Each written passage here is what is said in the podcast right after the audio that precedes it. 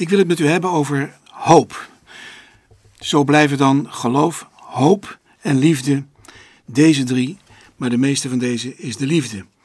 En ik wil nadenken over dat middelste begrip, zeg maar datgene wat geloof en liefde bij elkaar houdt. Dat is hoop.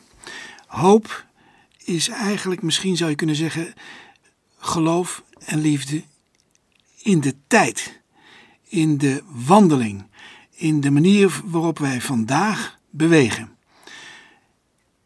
Wandelen met God. Wandelen met God kan alleen maar als je op Hem vertrouwt. Dat is geloof. Geloof is vertrouwen. Het is niet dat je tussen je oren precies weet hoe God in elkaar zit en wat de drie eenheid is en wat er allemaal over God te zeggen valt. Geloven betekent vertrouwen. En kinderlijk geloven betekent ook niet dat je kinderachtig of dat je eenvoudig of simplistisch gelooft, maar het is dat je vertrouwend gelooft. Een kind vertrouwt op zijn ouders. En liefde, ja, liefde is alleen maar mogelijk als je wandelt, als je iets doet, als je je verbindt met iemand waarmee je wandelt. En die twee, vertrouwen en liefde, die worden eigenlijk in de tijd, op vandaag, nu, hier, werkelijkheid. En daar zou ik het woordje hoop voor willen gebruiken. Het woordje hoop wil eigenlijk zoiets zeggen als je bent in beweging van A naar beter. Nou, eh, en dat wil ik eigenlijk proberen duidelijk te maken aan een aantal geschiedenissen waar ik over lees in de eerste begintijd van het volk Israël, bij de aartsvaders en ook daarvoor natuurlijk nog, hoe hoop in de praktijk werkt. Dus niet hoop die ergens over de toekomst heen, achter de horizon van ons leven, maar hoop die vandaag werkt. Want mijn overtuiging is dat alles wat in de Bijbel geschreven is over de toekomst, bedoeld is voor vandaag en vandaag zijn werk moet doen. Het is de toekomst die als het ware als een waterval in deze dag terechtkomt. En het is het verleden wat ook als een andere waterval, een stroom, ook in vandaag terechtkomt. Want er is alleen maar één dag, dat is deze dag. Dat is dit moment. Dat is dit moment dat ik met u praat en dat u naar mij luistert. Dat is vandaag wat we vandaag hebben meegemaakt, waar we doorheen gaan. En alles wat gebeurd is in het verleden en alles wat God belooft voor de toekomst, dat stroomt als twee stromen naar vandaag. En dat heet hoop. Hoop om te leven. Mensen hebben wel eens gezegd: je kunt wel een maand zonder eten en je kunt drie dagen zonder water, maar je kunt geen seconde zonder hoop. Beetje een sterke uitspraak, maar ik denk wel dat je er wat mee kan. Maar waar is nou dat, dat hopen op gebaseerd? En dan ga ik een paar geschiedenissen lezen waar je dus uh, ja, als het ware maar gaat zoeken in de tekst hoe die hoop dan werkt. En uh, ja, een van de, een van de geschiedenissen die ik uh, ja, wil bespreken, dat is Abraham. Abraham die ja, natuurlijk eigenlijk ook wel de vader van het geloof heet, maar dan is hij voor mij ook de vader van de hoop. En de vader van het geloof. En wat doet die hoop? Nou, in de eerste plaats is die hoop die Abraham heeft gebaseerd op een verbond. En we lezen in Genesis 15, vers 7 tot 16, het verbond wat God met Abraham sluit. Ik lees Genesis 15 vanaf vers 7. En de Heer zei tegen hem, tegen Abraham: Ik ben de Heer die jou uit Ur in het land van de Galdeeën heb gehaald omdat ik jou dit land wilde geven. Daar wil ik even iets over zeggen. Dit is de vertaling die Basic Bijbel heet. Interessante vertaling, omdat die heel dicht blijft eh, bij de tekst en toch heel modern is. Er staat: Ik heb u uit Ur Galdeeën gehaald. Eh, je zou ook kunnen vertalen getrokken. Er is iets achter wat twee kanten op kan. Dat is dat toen Abraham geroepen werd uit Ur del Galdeeën en dat God tegen hem zei: trek uit, dat dat niet alleen maar zoiets was als, nou, een optie, zo van laten we dat eens doen. Iets wat je op een woensdagmiddag besluit en zegt van nou laten we eens een, een tochtje maken. Maar het was een redding. Het was een redding uit een land van de maangodin, maar het was ook een land wat aangevallen werd uit dat zegt de archeologie, de mensen die daarop gestudeerd hebben, Door volken uit het noorden werd het veroverd en er ontstond grote druk en onzekerheid en zeg maar turbulentie in dat hele gebied. En eigenlijk kwam Tera, de vader van Abraham, en Abraham zelf kwamen in de knel. Ze kwamen in een situatie van verdrukking. En dan wordt dan gezegd door bijvoorbeeld Martin Buber, die daar een studie van gemaakt heeft. Eigenlijk is het zo dat God hem niet alleen zomaar geroepen heeft van, nou, dat zou een leuk iets zijn dat ik jou een belofte geef. Nee, het is weer een exodus. Het is eigenlijk een uitgetrokken worden uit een situatie van benardheid, van benauwdheid. En daar begint het eerste.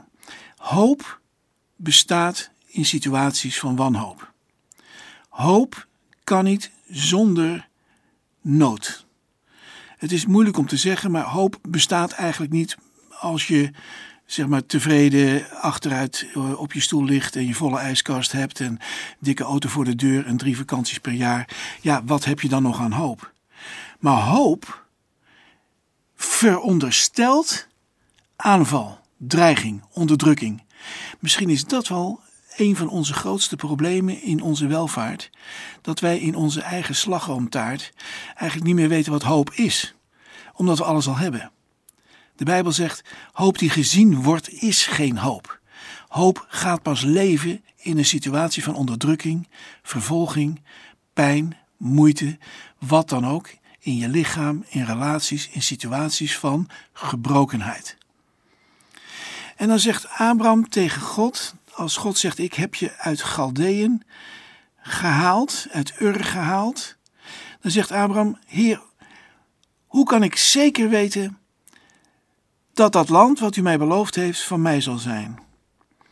En de Heer zei tegen hem: Breng mij een koe van drie jaar, een geit van drie jaar, een schaap van drie jaar, een tortelduif en een gewone duif. Hij haalde deze dieren voor hem, sneed ze doormidden en legde de helften tegenover elkaar. Alleen de vogels sneed hij niet door. Toen de roofvogels op de dode dieren gingen zitten, joeg Abraham die weg. Toen de zon bijna onderging, viel Abraham in een diepe slaap. Het werd angstaanjagend donker om hem heen.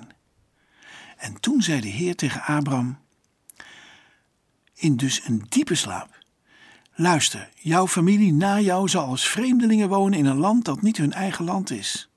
Ze zullen slaven zijn van de mensen daar. Ze zullen er 400 jaar lang onderdrukt worden. Ze zullen dat volk moeten dienen. Maar ik zal dat volk daarvoor straffen. En daarna zullen ze met heel veel spullen en heel veel vee uit het land vertrekken. Maar jij zal in vrede sterven nadat je heel oud geworden bent. Dat is een droom die in Abraham geplant wordt in een diepe slaap. Je zou bijna zeggen de diepe slaap van Adam, waar de vrouw uitgemaakt is. De diepe slaap van Abraham, waarin een voorspelling, nee, een profetie uitgesproken wordt van redding. Redding uit een benarde situatie. Een toekomstsituatie die lijkt op de benarde situatie waar hij zelf uitgered is, in Ur.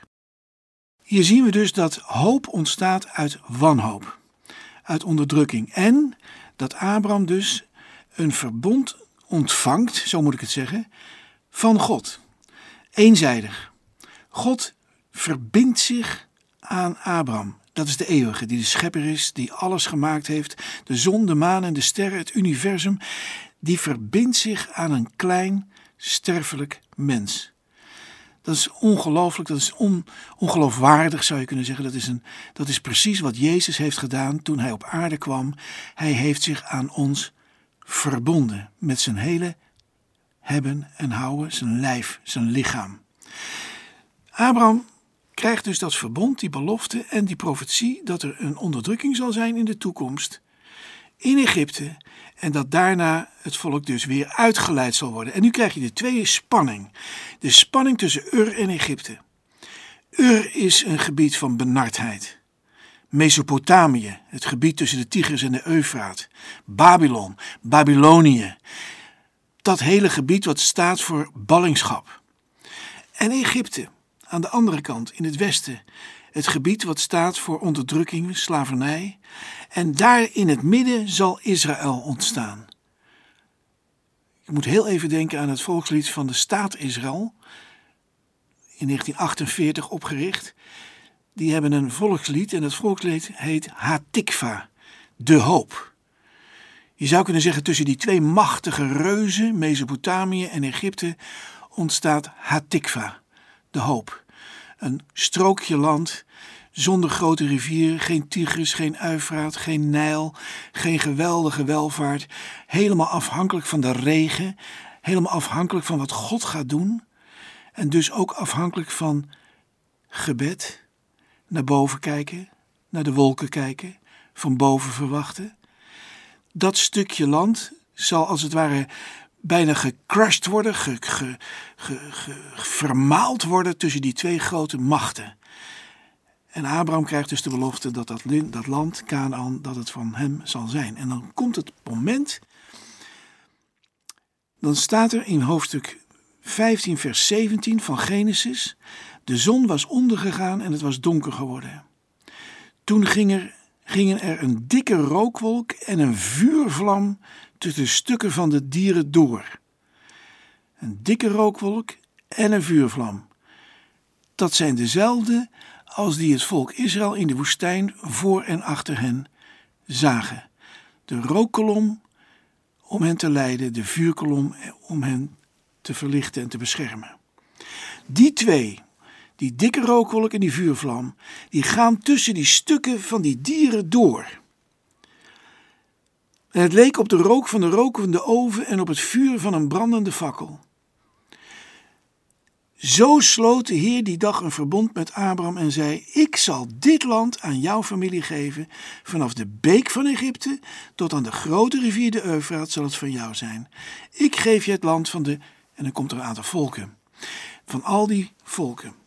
Nou, wat er hier gebeurt is eigenlijk herkenbaar doordat koningen in die tijd, als ze een verbond sloten, samen door een pad liepen wat aan weerskanten in de berm lagen dan helften van dieren.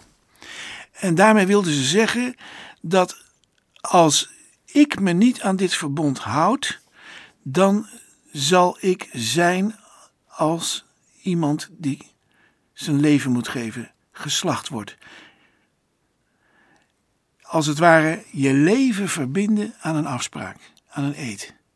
Zo liepen twee koningen tussen die dieren door, tussen dat, die enorme dreiging dat als je je niet zou houden in je afspraak, dat je dan de dood zou krijgen. Wat hier gebeurt is dat God alleen tussen die dieren heen loopt. En dat Abraham dus ziet dat God alleen, alleen vanuit hemzelf het verbond sluit met Abraham. Abraham loopt er niet bij. Abraham ziet het in een diepe slaap. En het is God die in zijn eentje naar jou toekomt en die eenzijdig naar jou zegt: Ik hou van jou. Ik geef mijn leven voor jou. Ik ben er voor jou. En inderdaad, als jij je niet aan je verbond houdt, dan zal ik sterven. Als ik me niet aan mijn verbond houd, zal ik sterven. Als jij je niet aan je verbond houdt, zal jij sterven, maar hij loopt alleen, zal ik voor jou sterven. En dat is precies wat gebeurt op Golgotha toen Jezus zijn leven gaf voor het verbond, voor deze afspraak. Ik zal bij jou zijn en ik zal je nooit verlaten. Als jij mij verlaat, betekent dat jouw dood. Maar die dood zal ik dragen. Kijk, zo loopt dat verbond dwars door de Bijbel heen naar dat brandpunt op Golgotha, waar Jezus uiteindelijk zegt: Het is volbracht. Ik heb de dood gedragen die de mens verdiend heeft, omdat hij zich niet aan het verbond gehouden heeft, aan zijn kant, aan zijn spiegelkant, zeg maar. Dit is troost. Maar dit is ook precies hoop.